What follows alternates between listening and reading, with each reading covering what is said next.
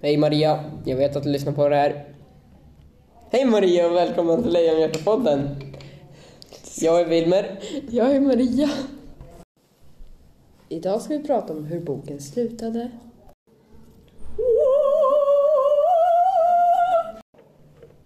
Boken slutar med att de två pojkarna hoppar ner för ett stup och kommer till den nya världen, Nangilima. Ja, jag tycker det är bra att den där pojken dör, han med skeva ben. Jag gillar inte han ändå. Skorpan? Mm. Ja. Då har han dött två gånger eller? De skulle ju inte behöva döda Tengil, för han... De skulle ju ändå ta självmord, så... Då, om de hade gjort det då, ha- tidigare, då hade man inte behövt läsa lika långt. Det håller jag med om. Ja, Maria, om du skulle få fråga Astrid Lindgren någonting om boken, vad skulle det då vara? Alltså, kanske vad som händer i Nangilima. Om det är något problem där också eller om det bara är fridfullt. Som det skulle vara i Nangiala, men det inte var det. Vad hade du hoppats på att det var där då? Ja, men kanske fridfullt, men sen att det hände någonting speciellt. Typ så här, kanske inte lika med Tengil som i Nangiala, men ändå någonting liknande. Du skulle vilja ha en del två? Ja, kanske det, men i lite mer modern tid. Inte kanske så mycket drakar, utan Okej. Wilmer, varför tror du att Astrid Lindgren skrev den här boken? Jag tror att hon skrev den för att hon ville tjäna pengar. Har, tror du inte att den har något annat syfte? Liksom? Kanske för att barnen skulle bli mindre rädda för döden, men de kanske längtar till döden nu och vill ta självmord. Ja, det vore ju inte bra.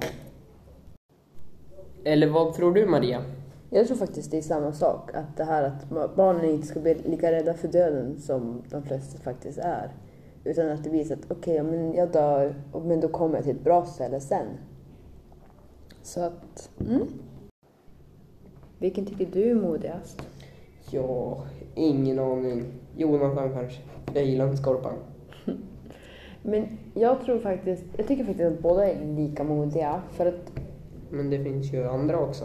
ja, men det krävs ju ändå mod att störta ett ängel. Och att ta självmord. Du måste ju ha bestämt dig innan du hoppar. De visste ju att de skulle komma till Angelima. Ja, Eller var det ett? Kanske. jag tror nog faktiskt båda är lika modiga. Kanske att Jonathan är modigare som du sa. Eller Mattias. Ja, han dog ju ändå. Ja. Så att han var också modig. Har du sett något annat av Astrid Lindgren? Ja, jag har sett Pippi Långstrump. Ser du någon så här likheter eller skillnader? Båda är skriven av Astrid Lindgren, båda är poet. Har du sett eller hört något eller läst något annat från Astrid Lindgren? Jag har ju sett någon del i typ Ronja Rövardotter, den filmen. Finns det några likheter? Jag vet inte, det är ju båda de två, alltså Bröderna Lejonhjärta och Ronja Rövardotter är ju ganska så här gamla. Så det är kanske även någon likhet. Mm. Då le- lever de väl typ i någon borg kanske. I Mattisskogen.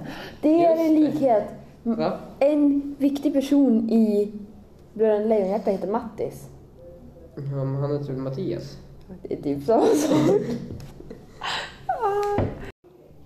Maria tänker på religion när hon läser den här boken. Tänker du på religion, Maria? Ja men alltså, det är väl typ buddhismen eller hinduismen då man så här återföds på nytt efter döden. Så jag tänker väl att det är lite så här också. Eftersom du kommer till nya länder, eller typ så här land. Tänker, alltså, eller så här, håller du med mig Wilmer eller tänker du på något annat sätt? Mm. Nej, jag håller med.